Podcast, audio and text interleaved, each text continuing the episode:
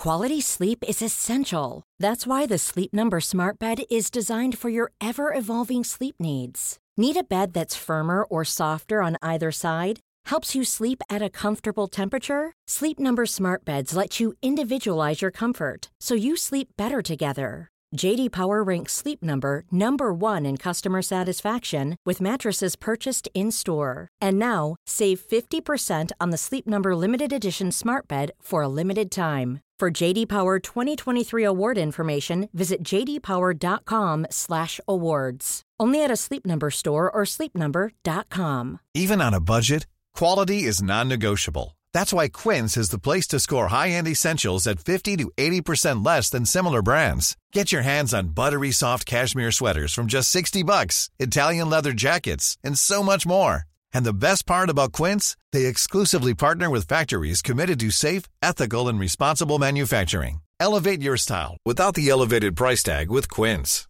Go to quince.com slash upgrade for free shipping and 365-day returns.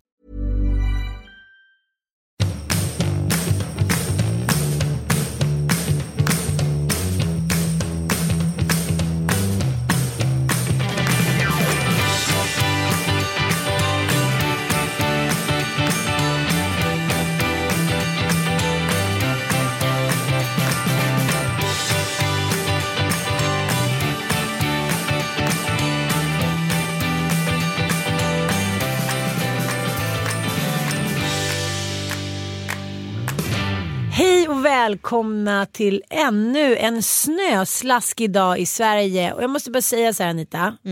Nu är jag trött på, inklusive mig själv, alla kvinnor, jag säger faktiskt kvinnor här, som lägger ut bilder på sig själva från semestern, inklusive jag själv.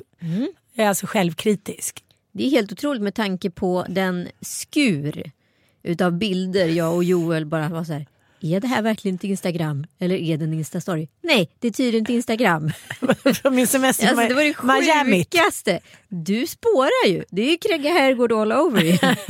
alltså, det var så här, vi vill inte se en Miami-färg. Nej, det är bara en färgand. Det är ingenting med Miami att göra. Det är bara en färg. Vi vill inte se en Miami-glass. Det är bara en glassand. Du råkar vara i Miami. Det där är en bra tolkning av min personlighet. Jag går i bananjas. Nej, Det är som att hela mitt liv ska den. återupprättas genom den här Miami-glassen. Det kanske är så att vi i grunden är avundsjuka på dig. Mm. Men det blir lite mycket när man kan sätta Miami framför allt. Ja men det är i och för sig bra, det blir som ett prefix. Ja, Miami-hud. Miami-sex. Miami-glad. Ja, den är bra. Nu är jag Miami-glad. Miami-barn. Miami, Miami, Miami. Men du, du har ju kommit något på spåret. Man kan ju faktiskt använda ett sånt prefix för att beskriva det mesta. Allt från så här, vad, man, vad man har upplevt till någon kille man varit tillsammans med. Det var ju så här Daniel-känslan till exempel. Fattar inte. Dålig metafor. Nej, nej, det är Säg. skitbra. Ja, men så här, Miami-glass. Ja. Alltså till exempel om jag säger så här till dig, vi säger att jag har varit tillsammans med en kille som heter Beppe. Som var så här otroligt fixerad vid sitt utseende. Ja. Då säger jag så här. Pepifierande. Ja, ja, men så här, ja men du vet, Beppe-pizzan. Ah, ja, okej. Då vet en ju du det. fixerad utseendepizza. Precis. men jag tror också att det är, så här, det är så jäkla bra att åka på semester när man bara inte riktigt så här, har hunnit kolla upp så här, "Jaha, ska vi åka dit? Ut? Man kommer dit och allting är som en öppen karta på något sätt. Då blir det ju med att allting som blir härligt blir jävligt mycket härligare än om man hade så här, hållit på i tre år innan och bara så här, mm. Ja men gud vad spännande, ska vi gå till det hotellet då? Här blir det så här, men gud det där ser härligt ut och det här tipset fick vi. Nej, men det är ju det bästa. Alltså så här, inte hålla på att så här, gå in för mycket i allt innan resan. För då Mm. blir ju liksom du vet, det blir ett fiasko ifall det inte är så där bra som man hoppas på att det ska vara. Den enda gången där man verkligen känner att det kanske är berättigat det är ju när man ska gifta sig eller ha en så här 40-årsfest eller något. Då kan det bli Ja, ja. riktigt swap off. Jo men ofta ska man inte glömma bort att det som oftast blir roligast på sådana där tillställningar det är ju det som är spontant. Det är sant. Ja, Lite som vår stökiga jullunch. lite så. Det var ju faktiskt en episk lunch. Jag vet. Jag kan fortfarande tänka på när jag satt på flyget efteråt. Direkt skulle jag till Åre på så här romantic weekend med Mattias. Vår första så här utan Bobo. Och jag kan ju liksom inte så här, jag kan ju inte erkänna de där två shotsen som är ena benet och de där tre glas vinen som är andra benet. Jag måste ju så här, spela att så här, ah, gud vad trevligt, ah, men nu har jag varit på en liten lunch och nu är det Då du och artikulerar jag. man lite mer, alltså, då låter man ännu mer brusad än vad man brukar vara eftersom man koncentrerar sig på att prata så himla bra. Som, Robert Gustafsson har ju det som strategi när han spelar berusad. Alltså för fulla människor vill ju inte vara fulla. Nej, det är sant. Utan de jobbar ju hårt för att verka nyktra. Mm. Och det är där komiken ligger. För då pratar man helt plötsligt på ett sätt som man i vanliga fall inte gör. Lite som Dramaten-skådisar hela tiden. Eftersom ansiktsmuskulaturen förslappas lite av alkohol. Mm. Eh, så då blir det ju liksom ett överdrivet prat. Men du vet när man så här, har suttit i sin kvinnobubbla på en härlig lunch och helt plötsligt så börjar man titta runt. Hundra pers sitter och glor på en så att man vore ett ufo. Då inser man så här, okej jag ligger några decibel över alla andra bara jag ska be om ett glas vatten. Skulle jag kunna få ett glas vatten tack? Men det påminner lite om barn Ja. som man är på restaurang eller liknande med. Att det är så här, okej alla hör. Nej men alltså det här är så sjukt. Tom Allan ligger på en pitchnivå i sin röst. Alltså han, han ligger på de här oktaverna hela tiden. Eh mamma, eh mamma. Bobo får inte komma på mitt kalas. Jo nu får han komma på mitt kalas. Det är tigerkalas och vi ska alla vara på savannen. Det finns inga tigrar på savannen Tom. Och de ska ha tigersvansar och vi ska ha tigeröron. Och man bara okej, ja, där uppe ligger han hela tiden. Mm. Så när han försvinner varannan vecka då har jag en tinnitusskada. Som liksom tar två, tre dagar att reparera. Lagom till han kommer tillbaka. Du sitter med så här hörapparat. Och det och bara, brukar Joel jävlas in med att köra de här. Eh mamma, alltså jag får verkligen fysiskt ont i kroppen. mm. För man måste liksom man måste detoxa eh mamma. Gud, Bobban verkar genomgå någon form av fyra års livskris. Jaha, den har Tom Allan precis, han är klar. Är han klar Han nu? är ut, ur det. Trotset är över. Jaha, nej, nej. Men det var inte kul för fem månader sedan, eller fyra månader sedan. Nej men alltså hur kan allting vara ett farligt, ett ingenting som de vill göra, två någonting som de vill göra. Det finns heller liksom ingen, det är antingen av eller på hela tiden. Ja, ja. Ja. Men eh, nej men det där det var en jobbig period men den är över. Det blir bra på andra sidan av det är allt jag kan säga. Jag vet. Det är skönt att Men, man glömmer bort allting inför varje barn och sen så bara gud det här känner jag igen. Mm, nu är det så jobbigt också att han längtar så tillbaka till Stockholm som man säger. till vår lägenhet. lägenheten. Mm. Men nu, eh, nu tänkte jag faktiskt ringa och gråta lite idag. Till vem då? Till de som bor i vår lägenhet som vägrar flytta därifrån. Jag, alltså vägrar flytta därifrån. Vänta, kan vi Lägger börja, över det. Kan vi Skriver börja om om historien. Skriver om historien. Kan vi börja om nu? Ja, vi kanske kan börja om. Nej, men, men jag tänker så här, om man, om man säger så här, vi fixar en bättre lägenhet till er och betalar mellanskillnaden. Men de har ju inga möbler, de har ju bara tre väskor och två har redan flyttat till deras hus i USA. Om man då hyr en tre eller fyra till dem liksom i närliggande område som är dubbelt så fin som vår, är det då för mycket begärt? Nej absolut inte. Och han Men grät så mycket. Jag vill till Stockholm, jag vill inte bo här, jag vill till Stockholm. Ja, vi bor ju alltså i en hyrd lägenhet som är jätte, jättefin och jättebra på alla sätt. Men, men eh, han längtar hem. ja det är ju inte hemma. Nej, och han förstår inte riktigt varför vi bor utanför Stockholm på Östermalm. Nej, det kan man ju på landet Östermalm. Men alltså, du kan göra en shout-out till alla lyssnare här också. Ja, Att du är i desperat behov av boende fram till juni. mm, 15 juni. Mm, Prata nu. med er eh, rika farbröder och mostrar. Du behöver en femma. Ja, en femma lägenhet.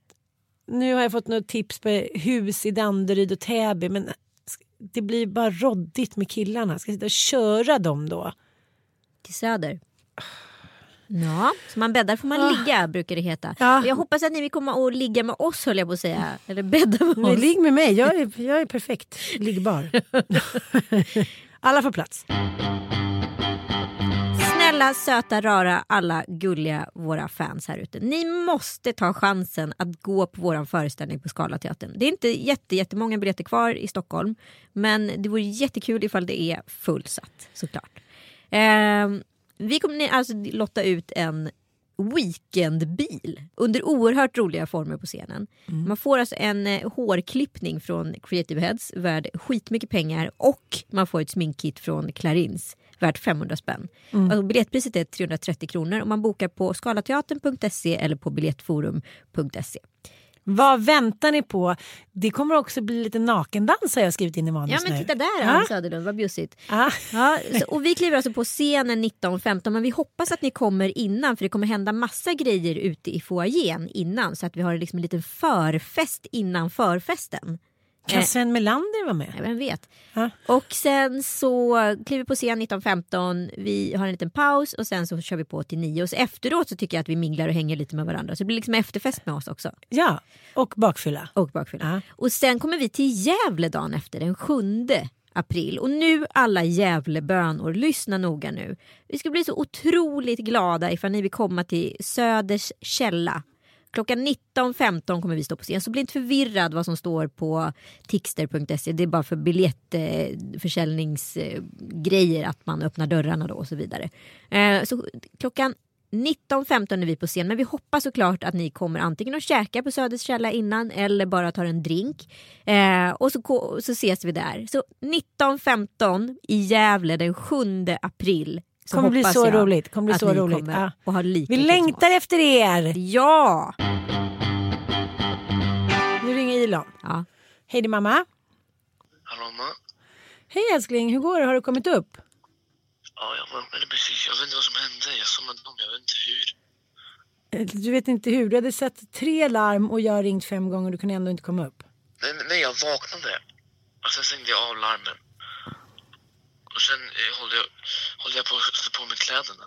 Och sen, jag vet inte hur, men jag somnade. Men jag, jag går till skolan nu då. Okej, älskar dig. Puss puss. Ja, puss, jag ser dig. Repressalier jag minns.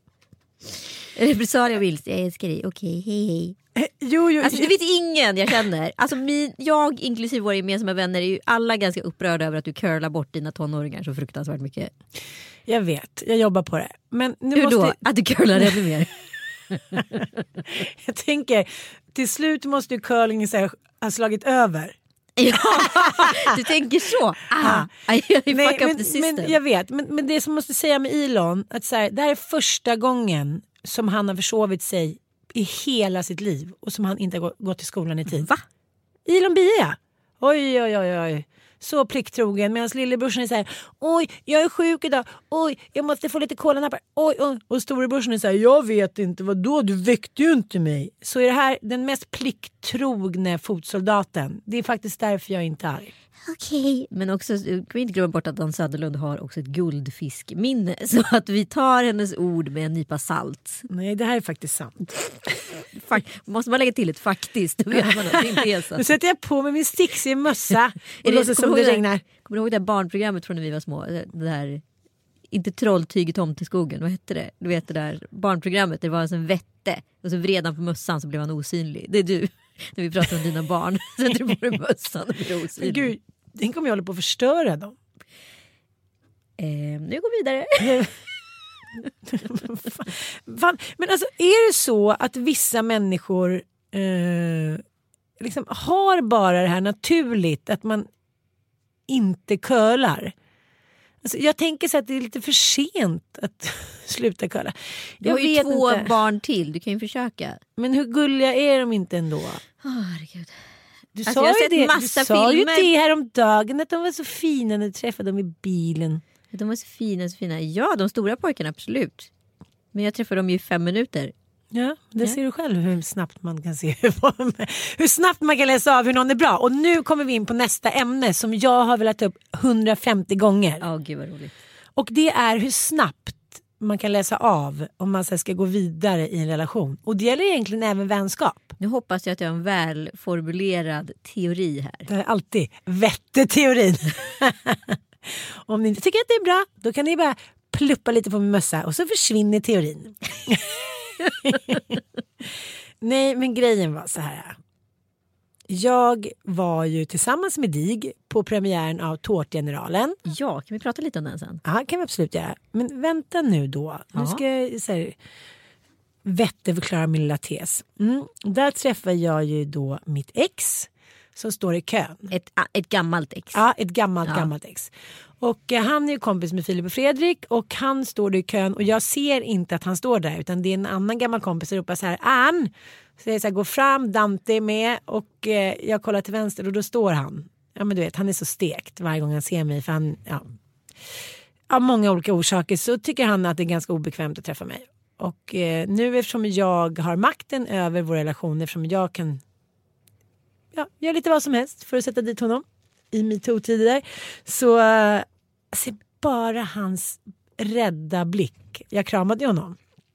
Och alla blir så stressade, alla vet ju liksom hur vår situation var. Vi hade ett väldigt så kallat stormigt förhållande och jag tror att under de här metoo-tiderna så har han suttit lite och hållit andan. Mm. Eh, så jag hälsar på en gammal kompis, tittar till vänster, då står han där med mycket, mycket rädsla i blicken. Mm.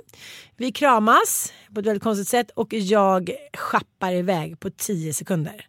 Och då kom jag att tänka på det här som vi har pratat om förut. Hur snabbt man borde kunna spotta om det är lämpligt eller inte att gå vidare med någon som man blir lite intresserad av. Okej. Och eh, eh, dåliga vanor och dåliga sidor visar sig ju faktiskt ganska snabbt. Men tyvärr kan man ju redan vara hooked och kär och liksom förälskad. Som till exempel eh, en kille som jag dejtar med som alltid hade glömt plånboken. Ah. Mm. Jag säger, men kom över och ta med en flaska vin. Och nej. Nu hade jag glömt det. Han var ju väldigt ordningsam i övr- övrigt liksom. Och, Det är eh, oftast ordning åt andra hållet, att man själv ska vara väldigt uppstyrd. Precis, Ja. precis. Och eh, skulle man gå ut och käka middag, det var mycket med den här plånboken. Den glömdes både här och där och vinflaskan glömdes och hit och dit. Och sen var han också väldigt, väldigt needy i sänghalmen. Fy fan vad det är jobbigt med så här snåla människor. alltså det snålhet är ju så jävla osexigt. Fattar inte folk det? Men jag tror liksom att det nästan, är, det är nästan som en sjukdom. Tack Anita! Där har du det. Det är precis som alla andra konstiga beteenden en sjukdom. Ja, för Ja. att jag tror inte snåla människor själva upplever sig som snåla. Nej, det är klart de inte gör. Det kan de inte göra. För i så fall skulle de se 200 personer som tittar på dem avsvar. Nej, det skulle de kanske inte. Men just snålhet är ju någonting som faktiskt, tack gode gud, 99% av befolkningen känner avsmaken för. Ja. Så här, Oj, hoppar ur taxin först. Oj, tog du notan igen? Oj. Ja, vi känner ju människor som har satt i system. Ja, alltså just den här, den här också specialarna som var förr i tiden när man typ körde en drinkrunda när man var ute. Alltid och så var det liksom helt plötsligt när det kom till den snåle personens tur. Oj, oj, oj, nu ska jag gå innan. Då hade de fått ett gratisvarv med fem beställningar och sen så var det plötsligt tvunget att gå. Jo, fast jag tycker ändå man kan skönja två olika snålhetspersonligheter. De som så sätter i system och precis en minut innan det är deras tur att casha in försvinner som en avlöning. Och de som faktiskt inte verkar förstå att det är så här, snålhet är någonting som inte ses med blida ögon i det här samhället där vi lever i honung och liksom mjölk. Nej, nej, jag tror exakt samma person. Tror du? Ja, fast jag tror på tre olika, olika parametrar. Jag tror att den strategiskt snåle, Ja. den tror så här, I fucked the system. Ja, jag I fattar. outsmarted them. Fast det är bara så att ingen No. så här, orkar någonsin konfrontera en snål jävel. För att det är, borde. Pinsamt. det är pinsamt. Det är skamligt. Det är, så här, det är ungefär som att dra ner byxorna på någon inför publiken. Det är så här, man tänker så här, men snälla fina du, du ser väl själv att alla reagerar. Det är lite så här, ojsan svisen, det är lite som när man inte är kär i en kille längre. Så man så här, det, var inte, det var inte du, det var jag. Jag tycker att det är lite samma känsla, att de tror att man tror att det har med dem att göra fast de inte är kära i en längre. Ja, nej men alltså så Okej, sjukt. Kanske inte världens bästa liknelse. Men hur som helst. Eh, och då tänkte jag så här. Det ser man ju tidigt och då blir man ju avtänd. Sen har ju jag kompisar som lever med snåla människor och det är ju för dem outhärdligt. Plus att de också såklart nås av en liten eh, slevdäng och också blir lite ekonomiska mycket och snåla för att de hela tiden blir matade med så här. Nej, det där är väl för dyrt. Nej, kan vi kolla om det finns ett billigare alternativ? Nej, så de får liksom lirka och lura för att det ska framstå som att det här var ett bra val. Ja, sen tycker jag att det finns en, ett gränsfall här för att, så här, att vara ekonomisk. Skulle jag gärna vilja vara. Skulle jag gärna vilja vara mer också. Eh, min kille är ekonomisk. Ja, Han är inte snål. nej. Han är inte snål på känslor, han är inte snål på prylar, han är inte snål på liksom, generositet och sådana saker. Men han är ekonomisk och han kan då ifrågasätta mig när jag åker taxi, när jag får väldigt mycket parkeringsböter och sådana saker. På ett sätt som jag blir provocerad av och då vill agera på honom som att han är snål. Fattar. Tre p-böter den här veckan. Bara, du är snål. Nej, det är han ju inte. Utan han är ju ekonomisk. Men, det är en fin gräns där. jag vet, men jag tror att det handlar om en själv väldigt mycket. Där. Jag tycker att det är fint för det handlar om jävligt mycket personligt ansvar. Att Ja. här, det är en hederssak för mig. Jag hade en tjejkompis, de fick, och hon och hennes man fick alltid p-böter, det var betalningsanmärkning. Och så satte de sig ner en dag och så sa de så här, fuck this. Inte en jävla betalningsanmärkning, inte en p-bot så här, resten av vårt liv. Och när de väl hade bestämt sig så har de ju hållit det också. Det är ju såklart. Men det där är ju också så, går ju alltid hand i hand när man har mycket att göra. Oj, en p-bot. Oj, Mm. det är nonchalant stil för att man tänker så här, jag tar risken för den istället för att komma ännu mer för sent. Eller istället för, alltså det Men handlar I om mitt huvud så handlar det om att jag tror att jag ska faktiskt outsmart. Alltså, jag har kan ha tur. Att jag liksom blir lite gambler då. Mm, jag vet, för att jag jag vill liksom så här. Okej men nu har jag inte fått några p-böter den här veckan. Då kanske det är värt att chansa den här gången. Mm. Så att jag kanske inte får någon. Och så får jag någon så blir jag skitsur. Ja, Men men därför, det är tillbaka skitbra. till mannen. Tillbaka till mannen då. Som är psykopat. Som vi skulle kunna lista ut vem det är tidigare. Ja, men jag behöver inte, vi behöver inte dra det så långt som psykopat. Men, om Men jag ska, vi skulle ju prata om psykopatiska drag hos Ja. killar som man fattar varför man ska lämna dem. Snålhet det var lät en. så hårt bara. Jaha. Ah. Eh, snålhet en, Mm. när de är så här, har konstiga beteenden som de avslöjar för tidigt. Att Som? de, ja, till exempel så här, inte ta ost på pizzan som mitt ex. Alltså, så här, Jag trodde du skulle ha lite bättre. nej, nej, det är där du har det. De små osynliga oskyldiga detaljerna. Det är alltid där det sitter Ah, i. Tänk dig varenda så här crime-fall så är det så här, oj, nu verkar det som han, hade, han var besatt av insaltad gurka från Verås. Alltså förstår du, de blir alltid liksom, de åker alltid fast på den där grejen som ingen annan såg. Ja men till exempel The Unabomber. Ja. Då insåg ju han, den eminente utredaren till slut så här, men vad är det här för gamla uttryck? Så här, ingen använder såna här uttryck Nej. längre. Såna här uttryck använde vi för 20 år sedan. Det Ja. måste betyda att ett, han är helt isolerad. Ja. Två, när han inte var isolerad så läste han en viss typ av tidning där man använder såna här ord. Ja, och då har han... Ja, exakt, okej Ja. jag fattar, jag fattar. Bra, bra. Tack, bra teori. tack, tack. Ja. Så ingen ost på pizzan. Så här, ett, varför käkar du pizza då? då? Nej, det är jättekonstigt. Ja. Jag håller med dig, okej det blir Ja. konstigare ju, ju, ju längre jag hör. Två, snålhet. Mm. Mm. Men på vilket sätt kan du utveckla snålheten mer? Jag tycker ändå snålhet är så extremt spännande begrepp. Ja, men jag tänker så här, är man liksom, tror man att man kan lura systemet på det sättet som barn tror? Ja. Som min 11-åring eller min 13-åring eller min 15-åring fortfarande tror. Man är så här, okej, eh, låt gå. Men sen nästa gång är det okej, men jag fattar väl att ni bara hittar på eller att ni försöker lura mig där. Jag fattar väl att ni redan har köpt godis eller något liknande. Mm. Där handlar det om en, en så här emotionell utveckling som inte har skett hos de här männen. Just det. De tror fortfarande att de kan outsmart den. Ja. Ja, eller kvinnor. Och då blir jag så här, app, app, app, app, app, app. du fastnade någonstans och du vill inte växa upp. Nej, och det där är superspännande. Jag tänker lite samma sak runt så här svartsjuka. Mm. Eh, för, och det vet jag inte om det är ett mer kvinnligt drag än ett manligt. Alltså manliga kvinnlig svartsjuka skiljer sig ju väldigt mycket. Mm. Otroligt mycket. Ja, Kvinnor, de är ju nu snackar vi worms, alltså när det kommer till att liksom göra sin research. Alla går in och tror att de är Lisbeth Salander för att de har här stalkat sin killes telefonbok. Typ. Eller Ja. telefonbok, stalkat sin killes... en kompis sa en kompis till en kompis. Ja. Men sluta, slä... nej Ann jag vill inte. Okej, förlåt. Okej. Eh, nej men all... nu, nu ska jag ta Ah. ett case. Ah, okej. Ja. Ja, men jag stalkade ju liksom min killes telefon en gång. Och det vill jag, jag vill inte öppna den boxen igen. Nej. För det är så här, jag kan så här, ma, så här man måste ju vara smart med sig själv här.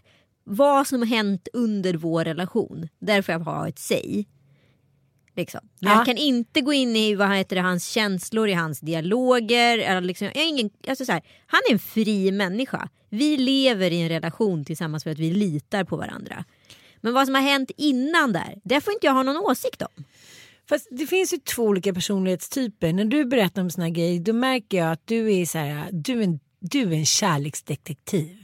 Du tycker det här är spännande. Du vill så här, ha kött på benen. Du vill ha din crime case. Du vill, så här, du vill kunna liksom sätta dit boven. Och jag har massa kompisar som tycker att det här är jäkligt spännande. För mig är det så här, jag går inte igång på det. Nej okej, men det här var den kvinnliga etiken. Tjejer har, alla tjejer jag känner har stalkat sina killars telefoner vid ett eller ett par tillfällen. Ah, ah. Ja. Saken är den att här får man ju inte som kvinna göra fel genom att använda den här informationen mot mannen. För att det är du själv som är boven i dramat även om du anser att du själv är Lisbeth Salander. Ah, ah. Förstår du? Ah. Så du får inte använda den här informationen på fel sätt. Det som har hänt under relationen, det måste du lita på din kille med. Har, den här, har du så dålig magkänsla så du tror att den här killen håller på med snedsteg under tiden. Ja då kan du ge dig rätten att titta i telefonen om du känner att du kommer få ut någonting utav det. Så länge det inte drabbar dig själv. Jag skriver jättemycket om det här i min, min bok faktiskt. Eh, men, och det som har hänt i killens liv innan relationen. Det kan inte du kontrollera för det är inte ens säkert att ni ens visste vilka varandra var för tre år sedan eller två år sedan eller ett år sedan. Förstår du? Jag förstår, men Ja. det som, för det som kan hända om vi nu ska vara helt ärliga det är att man ser just sådana här drag som man själv inte har sett och tänker så här okej, spelar han bara ett spel nu eller spelar hon bara ett spel nu? Det är ju det som är det farliga i det där. För att man är olika personer med alla man är tillsammans med. Exakt. Och det, därför går det inte heller att läsa ut eh, information på ett relevant sätt ur de här handlingarna. Eh, här är det också en grej att det här måste ju sluta ett år in i relationen. Har inte slutat efter det året utan fortsätter den här misstänkliggörandet och det här obehaget. Då måste man ett som tjej kolla upp sin egen PMS-cykel. Om den står rätt Ja, till. ja, För där, där, ja. ligger det jättemycket. Nummer två är att man så här måste vad heter det, stålsätta sig själv eller gå och ta hjälp liksom, utifrån. För det kan ju bli ett missbruk. Det kan bli ett missbruk och det kan också bli en galenskap som i sin tur leder till att liksom, relationen faktiskt inte funkar. För det kan också ligga bakom i en annan relation att det har pågått någonting som man nu lägger över i nästa relation för man inte har gjort klart det. Precis. Sen har vi den manliga svartsjukan som är mycket mer aggressiv och misstänkliggörande. Den är läskig. Ja, som exempelvis stackars Lotta som vi pratade om i Crime-podden fick utstå. Den här rent konspiratoriska svartsjukan. Den har jag också varit utsatt för. Ja, Den är riktigt obehaglig. Den är farlig. för män är inte alls lika mycket kärleksdetektiver som kvinnor. Det handlar mer om att kontrollera de facto situationen. Jag vet några män som har sagt till sina kvinnor så här. "Eh, Gör en Facebook-uppdatering där du säger hur mycket du älskar mig och sådana saker. Där det mer handlar om att kontrollera hennes kärlek utåt så att alla andra ska liksom tro Ja. att allt är bra. Det är viktigare Ja. att upprätthålla någonting som inte finns. Den fattar inte jag. Nej. Istället för att så här, backtracka eller kolla framåt eller kolla bak. Alltså, Fast så sätt. kan man ju vara även i sin familj. Det är ju som nu det här när vi in- inte kan bo i vår lägenhet och det tär mycket på oss. Och så här, det är inte att jag går all in så fort någon frågar hur det är. Är det bra? Nej. Hur är det? Ja, men det är jättebra. Det funkar med lägenheten. Så här, det är lite trångt och det fast man vill bara sätta sig ner och typ snora i en kopp och bara säga Så är människan. Man skulle inte orka gå in på varje take hela tiden. Nej men då skulle då Mattias under den här perioden då säga nu ska du lägga upp en Facebook-uppdatering där du skriver att du är jättekär och allting är svinbra. Fan vad vidrigt. Ja. Skulle jag aldrig göra Mattias. Skulle jag aldrig göra Ja, men så Mattias. svartsjuka är en aspekt. Ja. Alltså, upp, avtar inte svartsjukan. Kan man säga så? Ja. Avtar inte svartsjukan då är det något som man måste så här, Mm. vara lite lyhörd med. Minst sagt. För det Ja. kan bli väldigt destruktivt. Det som jag tycker är så jobbigt att ge så här råd och tips i det här fallet är att om man är i, liksom, i en situation i sitt liv där man är ganska svag så kan en sån stark person med psykotiska drag äta upp en på en månad. Mm, absolut. Så att så här, här måste ju omgivningen vara jävligt lyhörd. Och de här människorna är ju också oftast väldigt, väldigt charmiga, härliga, framgångsrika. Ja, Så det är, ah, gud, det här är hala ålar. Det är hala ålar och det är också så att många av de här personerna som redan har fallit för en trubbelperson de kommer ju själv från ett trasigt förflutet. Så att de är också beroende lite av kaoset. Det pratar man inte speciellt mycket om. Utan så många människor som har, eh, sitter i en re- relation med, med problem. De kommer ju själv från, sprungna från ett kaos. Där man är van att alltid ha ett kaos att hantera. Det är lite det vi pratade om i förra podden. Där man liksom, eller förra, förra podden. Där man så här, det är väldigt lätt att slippa ta ansvar för sina, sig själv och sina egna känslor när man hela tiden kan lägga över dem på någon annan som är lite jobbigare, lite mer stökig. Så det finns ju den delen i en. Så man måste tänka på att de här personerna kanske kommer från kaos och måste ha en person som är lite kaosig för att så här, verka och vara. Eh, för att det är så man själv är fostrad på något sätt. Mamma hade ju då mormor som förebild. Ja. Kajsa, så stenhård, cyklar tre mil om dagen, business. Alltså så här, ja, men en tuff mammaförebild. Medan pappa hade ju farmor Inga och hon var ju jättegullig men man kan ju säga så här tuff kanske inte riktigt är någonting sätt att beskriva henne på utan ja, men hon var lite så som pappa är. Ja, men, men så här, tycker livet är skönt och ja. Ställ inte så höga krav. Liksom. Nej, man vill gärna att någon annan ska ordna biffen. Liksom. Ja. Så det här, man får tänka på hur många år de på varsitt håll har haft de här två förebilderna och sen ska det här då mötas.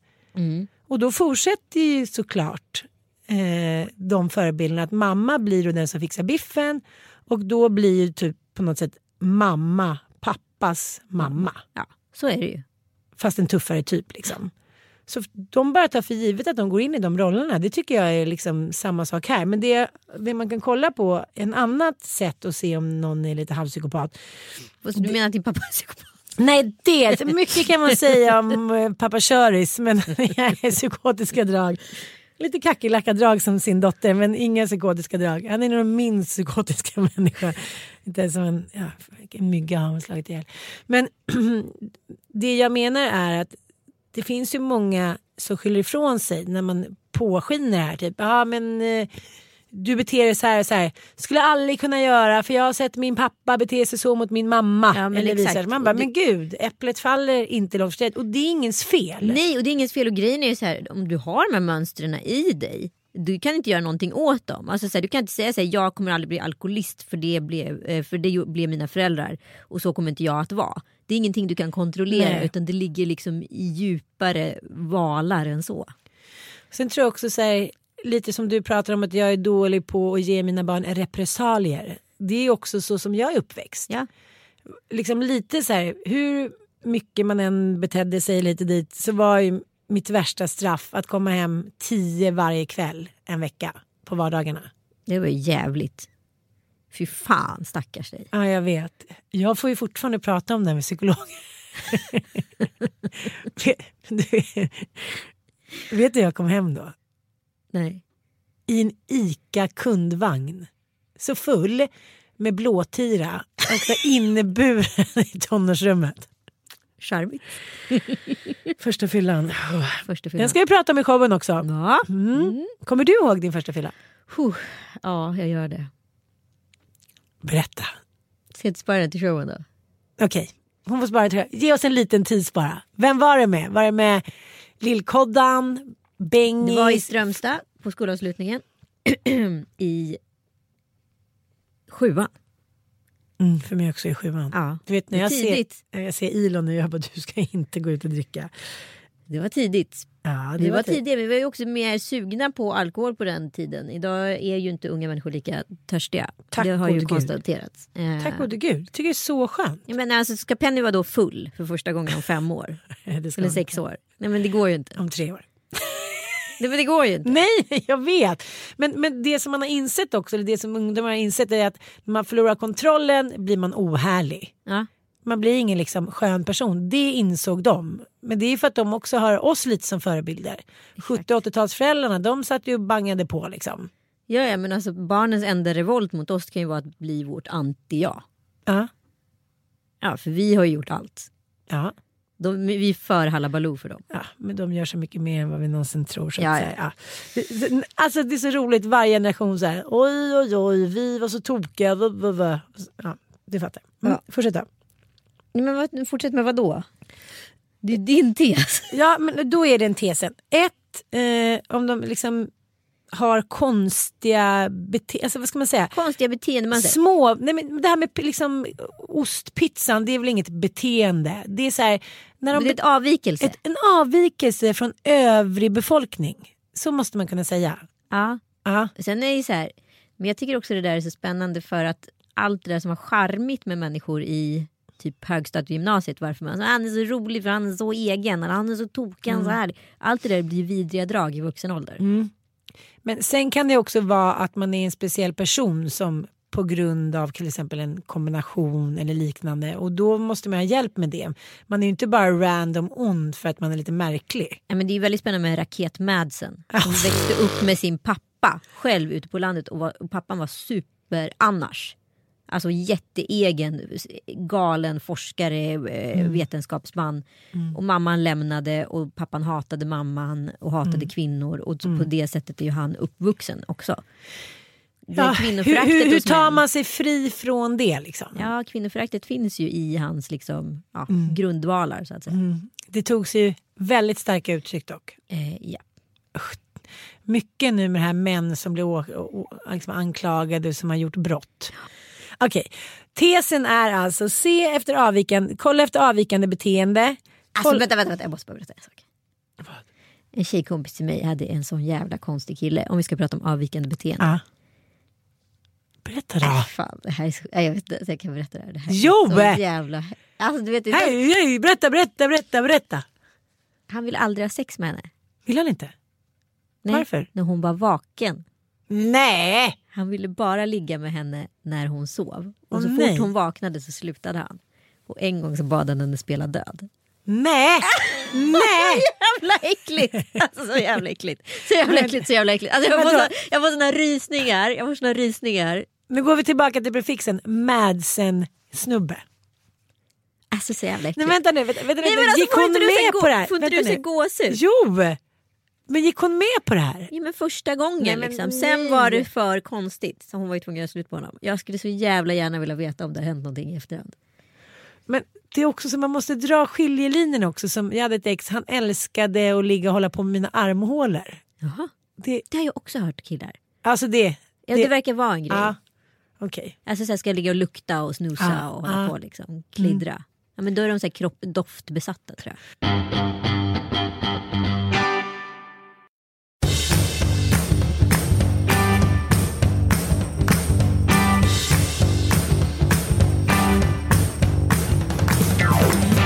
Annan grej också är så här att hen redan tidigt låter så här sina egna minibehov gå före den gemensamma taken. Ja. Som en kille som jag var med på en öde ö i Mexiko. Och sen så gick det bara en båt på hela dagen. Vi var verkligen tvungna att komma därifrån. För att vi skulle inte vara kvar där, vi skulle åka hem till Sverige. Och då var han tvungen att dricka sitt morgonte.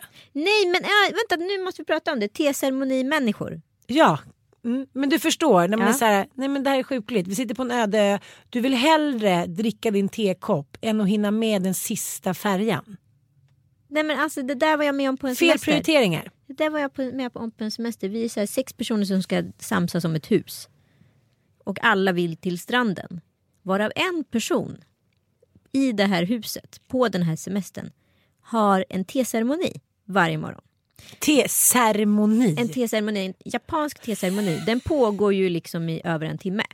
Nej, men Där man ska dricka teet i olika temperaturer, olika omgångar, det ska få dra olika länge och så vidare. Du skämtar Så inte vi med är Aprillo. alltså helt i gisslantagna utav denna teceremoni varje morgon till en person tappar det. Nej men vänta nu. Nej men vänta nu. Ja, ni skulle... Ni Vi är ett gäng unga människor med alla olika behov och känslor. Men när man lever tillsammans i en grupp, i ett team, det blir som vilken dokusåpa som helst.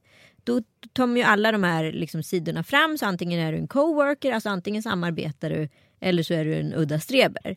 Och det visar sig att en person som är svinhärlig, det jag menar med så här unga härliga människor som alla bara ah, han är så härlig för han gör så här, han är så knasig, han är så underbar. Och sen så helt plötsligt ska de här alla knasigheterna då sättas samman och så visar det sig att den där knasigheten är absolut vidrighet. Men sitter ni kvar då? Väntar vi in honom? Ni Tills sitter med- teceremonin är kvar, klar. Så vi liksom, istället för att komma till stranden klockan 10 och få de där bra solstolarna så har vi missat alla när vi kommer till stranden klockan 11. Eller plus 11. För då har alla solstolarna tagna så då får vi ligga lite i utkanten av stranden för att vi var ju tvungna att vänta på honom och hans teceremoni. Och till sist när vi liksom tredje dagen på semestern på, som pågår i åtta dagar har missat vår plats i solen så att säga på grund av teceremonin. Då, tapp, då kommer ju konflikten. Då är den ju där. Ja, det här är så filmiskt. Det är så Jag måste filmiskt. sno den här. Jag måste det är så skriva jävla filmiskt. Okej, men det här tycker jag säger väldigt mycket om människan också. Dels hur vi är uppfostrade. Eh, jag tror inte i många andra länder skulle man suttit kvar. Nej, nej, det är svenska och sitter vi här medan de äter sina potäter och läser sin katekes och hit och dit. Typ mina kompisar i USA skulle ju bara varit så här. What the fuck we're going to the beach, see you later dude. Självklart Ja. så hade ju inte den här personen körkort heller. Eller ville köra bil i Spanien då. Så att då var vi också gisslantagna utav den här personen på grund av dennes... Så den är både egoistisk, Ja. självcentrerad, den har inte levt med någon kvinna under lång tid, varit singel väldigt länge. Där har vi tecken till. Singelskapet. Ja! Ja, men alltså framförallt som människor som inte läser in andra människors behov eller kan tänka utifrån sig själv som en del utav gruppen utan ser sig själv ett, lite över gruppen. Eller liksom som alltid ska särbehandlas för att den har gjort så hemma. Bortcurlad kanske utav sina föräldrar. Men mina barn är ju inga kvinnohatare. Nej, nej, har jag sagt att de, han var en kvinnohatare? kvinnor. Har jag sagt det? Det Han ville bara ha en teceremoni. Jag vet, fast det finns många kvinnohatare där ute. Då kom det lite snabbt Okej, från och- vänster. Och en grej till. För besatt av sin egen persona. Samma kille stod ju alltid i hemlighet dock. Och höll på och tog på sin, sitt lilla magfett. Alltså tänk dig en hudflik. Ja. Så drog han i det. Han bara fan. Fem skäl till att män gör slut med kvinnor som de älskar. Orsak 1. Det är lustprincipen. Det vill säga att kvinnor helt plötsligt inte då anser att sex är lika viktigt i relationen som mannen. Det där är ju superspännande för den erfarenheten jag har varit i, jag har ju varit med om båda. Där en man har varit alldeles liksom så kåt så att man liksom inte, det spelar ingen roll om man ligger sju gånger så han missnöjd för att han inte får en åttonde gång. Den är ju inte speciellt härlig. Samtidigt har jag upplevt många gånger att jag har varit kåtare än killarna i relationen. Men jag känner så här, om någon ligger sju, åtta gånger på rad då känns det som att det finns någonting bakomliggande. Exakt. Kanske någon så här ryssfemma eller något. Kanske, vem vet. ryssfemma eller två. Ja. Eh, en annan orsak är känslomässig upplevelse och eh, framtiden. Det vill säga att män drar slutsatser ifrån att kvinnor agerar på de små sakerna i livet. Eh, om en kvinna liksom hela tiden är negativ och känslomässig, känslomässigt inte kan samla sig eh, då vad heter det, kommer mannen att dra slutsatsen att det kommer bli bättre än så här för dem i framtiden. Så Aha. därför har de svårt att se framtid med runt småsaker. Kvinnor kan ju bråka om småsaker. Det gör man ju jämt. Man gnäller och man så här. Och då tänker männen mycket längre. Då blir de så här framtidsnoja och tänker så här. Kommer bara vara en så här gnällrelation. Det här vill inte jag vara i. Aha. måste, jag slut. Hon kommer alltid vilja att jag hjälper till och klipper gräsmattan. Under tiden kvinnor upplever tvärtom att det är de här stora bråken, de här stora under tiden som männen inte upplever. Sen om någon slänger en mobiltelefon i väggen så tycker de oj det var en mobiltelefon som gick sönder. Och så är det inte mycket mer med det. Ah, jag fattar. Alltså det är helt olika saker. Under tiden det smågnället tycker män är skitjobbigt. För det blir- dödar framtid för dem. Under tiden kvinnor tycker att de här stora gesterna är det som är orsaken. Catching i vår relation. Ja, varsågod. När man inte känner en djupare nivå utav gemenskap med en kvinna åtminstone ofta påminner honom om varför han är med henne. Då kommer han glömma bort varför han ens är med henne och helt plötsligt blir förhållandet ett heltidsjobb eller ett konstant arbete, det är en man som säger. Det blir en yrkesmässig relation, inte en attraktion. Okej. Förstår du? Att äktenskapet blir ett projekt. Han har glömt bort varför att hon är vacker eller varför han älskade henne från början. Mm, mm. Men då kan man ju påminna lite. Det kan man verkligen göra men om man nu inte kommunicerar, vilket den här studien handlar om. Den där, den där, den där, där har vi. Det tycker jag är så här, the holy grail om varför det ofta går åt helvete tycker jag. Eh, Men jag tror att vi som kvinnor också måste tänka om lite. Vi är lite spoiled där. Vi är väldigt fokuserade på jaget när det gäller den där. Han ska säga att jag är vacker, han ska ge det till mig, han ska göra det. Mm, mm. Men själv så är man så här kan vara ganska passiv i det där även fast det är 2018. Där tror jag att vi måste tänka om. Ja. Där måste det vara liksom, där måste vi börja bli lite mer jämlika. Men alltså gud, och, och sen så tycker jag det är så himla så här, alltså skönhet är ju liksom in the eye of the beholder. Vad som är vackert Mm. för mig är ju nödvändigtvis inte vackert för dig och tvärtom. Och så här, en ful person för dig kan ju vara svinattraktiv för en annan och det är det som är så Mm. fint. Och man måste belysa det hos varandra hela tiden. Så här, alltså så här, du är så jävla vacker, dina ögon, du, så här, alltså så du får mig att må med Mm. ditt utseende.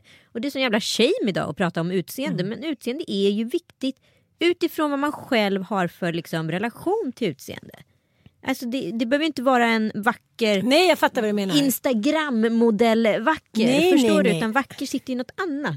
Jag tycker det var så spännande när vi var på eh, stora festen i lördags. Ja.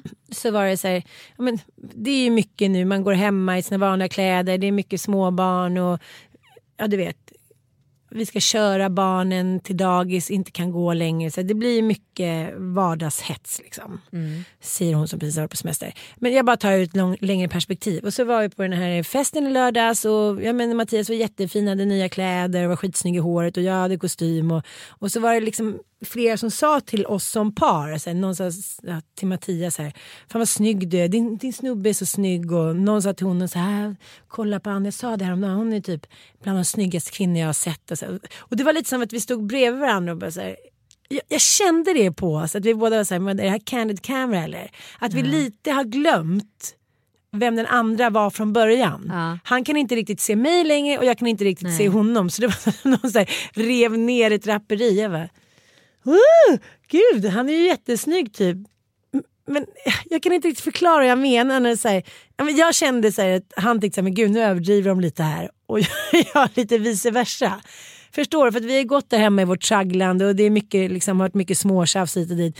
Så jag var lite så här, jaha, men hon är ju snygg men så snygg. Alltså jag vet att han inte tänkte så men att, att vi båda vaknade upp lite så här, okej nu får vi för fan steppa upp ett steg. Han var så här, gud vi behöver ha två dygn med varandra och ja.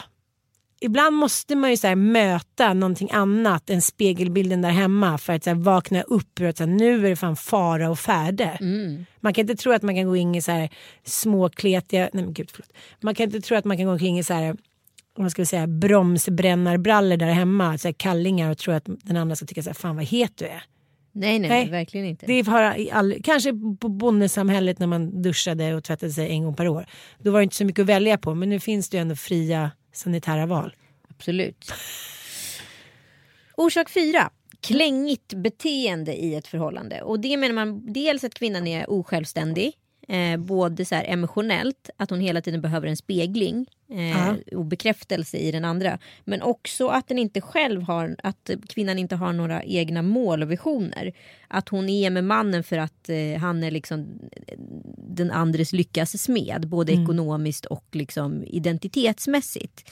Så för män är det tydligen ganska viktigt att kvinnor har sin egen vänskapskrets, sin egen jobb, karriärsvision och eh, sina egna liksom drömmar och inte blir needy. Det talar emot liksom det beteendet vi många gånger pratar om att männen fortfarande tror att de måste vara liksom familjens försörjare. Så är det tydligen inte alls längre. Utan nu är det sexigt med power. Men du måste också ta den här småbarnsåren när kvinnor ofta är mammalediga. Jag kommer ihåg när jag, den enda gången jag har varit liksom heltidsmammaledig, då var jag i det med Ossian, det blev ju ett år. Och eh, hur nidig man var när ens partner kom innanför dörren. Ja. Dels för att få så här, något annat samtal än om bajs. Två, eh, att någon tog den som bajsade. Så att man så här, fick känna sig fri och inte som så här, någon apmänniska. Så att det där, man måste tänka på att det också finns parenteser. Absolut, men saken är den att det är därför man också måste värdera föräldraledigheten och inte orsaka de varandra på det sättet. För att jag har hört om ett par som är extremt lyckligt förhållande. Vet du, de delade upp föräldraskapet. Nu kunde de det på grund av sin arbetssituation. De, den ena tog förmiddagen, den andra tog eftermiddagen och så alternerade de. Jag, jag säger så här. Amen, säger man jag. kan hålla på och gå till psykolog, man kan på och skriva böcker, bla bla bla. Där har du hela hemligheten i relation med barn. Det. 50-50. 50-50. Det finns inget annat alternativ längre. Showen, vår show, heter ju Förfest med Ann och Anita The Point of No Return. Och det kan ju låta lite ytligt men det är inte alls det för det är en metafor för livet. Först är vi på förfest, vi har li, liksom, livet är härligt, vi är odödliga, sen får vi barn. Och då blir allting liksom på allvar. Eh, sen blir det efterfesten, jaha. Då ska vi göra det roligaste av de där åren när vi inte är lika behövda längre. Och sen kommer ju en jävligt lång bakfylla.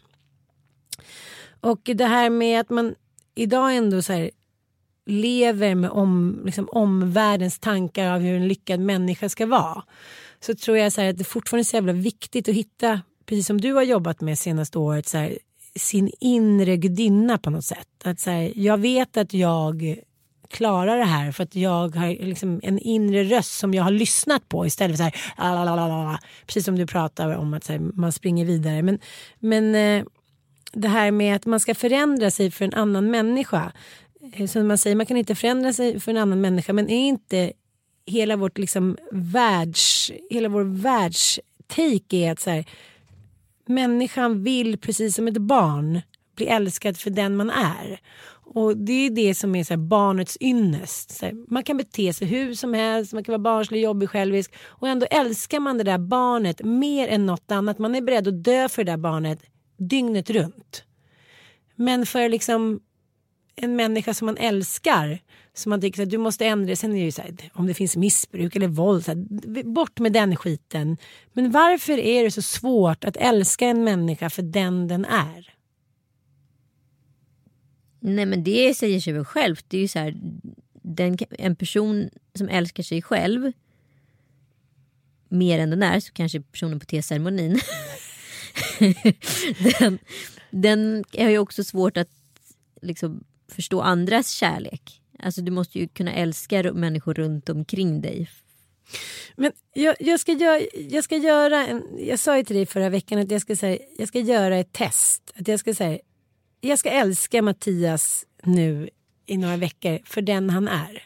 Jag ska tänka så här. Jag vet, jag vet. Det är skitsvårt eftersom jag också hela tiden vill ändra på honom.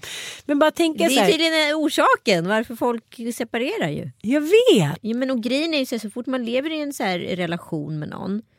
Jag kan inte säga att jag är direkt nöjd med mig själv som människa som singel. Jag kan inte säga att jag är såhär, "Ah, nej, fan vad jävla god person jag är. Och bara sitter där och då, du blev Bert njuter. Karlsson helt plötsligt. Och bara njuter av mig själv och min förträfflighet. Jag älskar inte den personen supermycket. Nej. Jag tycker den är helt okej, habil. Den har fått saker och ting att funka och är trevlig. Sen finns det människor som älskar sig själva. Utifrån det perspektivet. Den personen tror jag har svårare att leva i relation med en annan. För den förstår ju inte hela tiden varför älskar inte de mig lika mycket som jag älskar mig själv. Jag tror att man ska älska sig själv lite halvmycket. För att då när man går in i en relation med en annan. Då vad heter det, kan man hitta en tredje persona som man båda lever med. Men att hela tiden vara den som är så här. "Va? Jag är så jävla självuppfylld och härlig. Fan vad jag är så jävla härlig. Varför är inte du lika härlig som jag?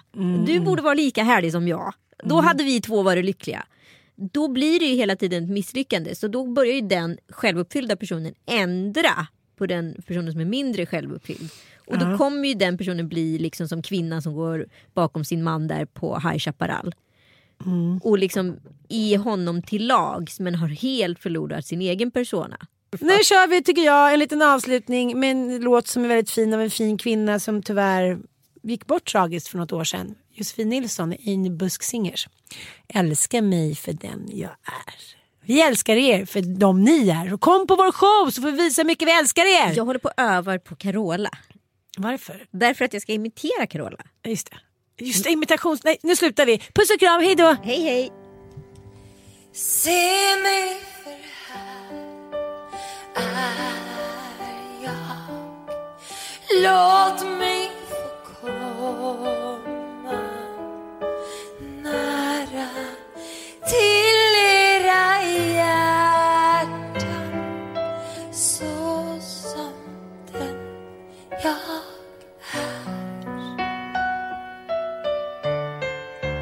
den jag försöker vara.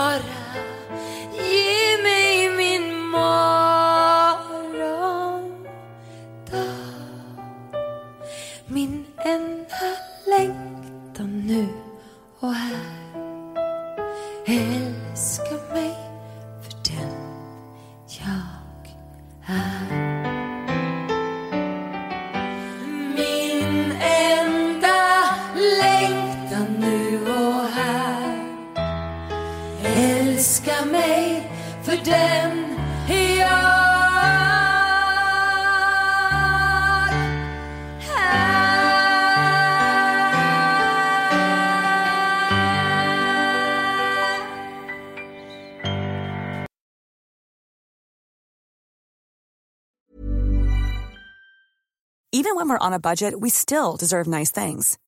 Quince is a place to scoop up stunning high-end goods for 50 to 80% less than similar brands. They have buttery soft cashmere sweaters starting at $50, luxurious Italian leather bags, and so much more. Plus, Quince only works with factories that use safe, ethical, and responsible manufacturing. Get the high-end goods you'll love without the high price tag with Quince. Go to quince.com slash style for free shipping and 365-day returns. Hi, I'm Daniel, founder of Pretty Litter. Cats and cat owners deserve better than any old-fashioned litter. That's why I teamed up with scientists and veterinarians to create Pretty Litter. Its innovative crystal formula has superior odor control and weighs up to 80% less than clay litter. Pretty Litter even monitors health by changing colors to help detect early signs of potential illness. It's the world's smartest kitty litter. Go to prettylitter.com and use code ACAST for 20% off your first order and a free cat toy. Terms and conditions apply. See site for details.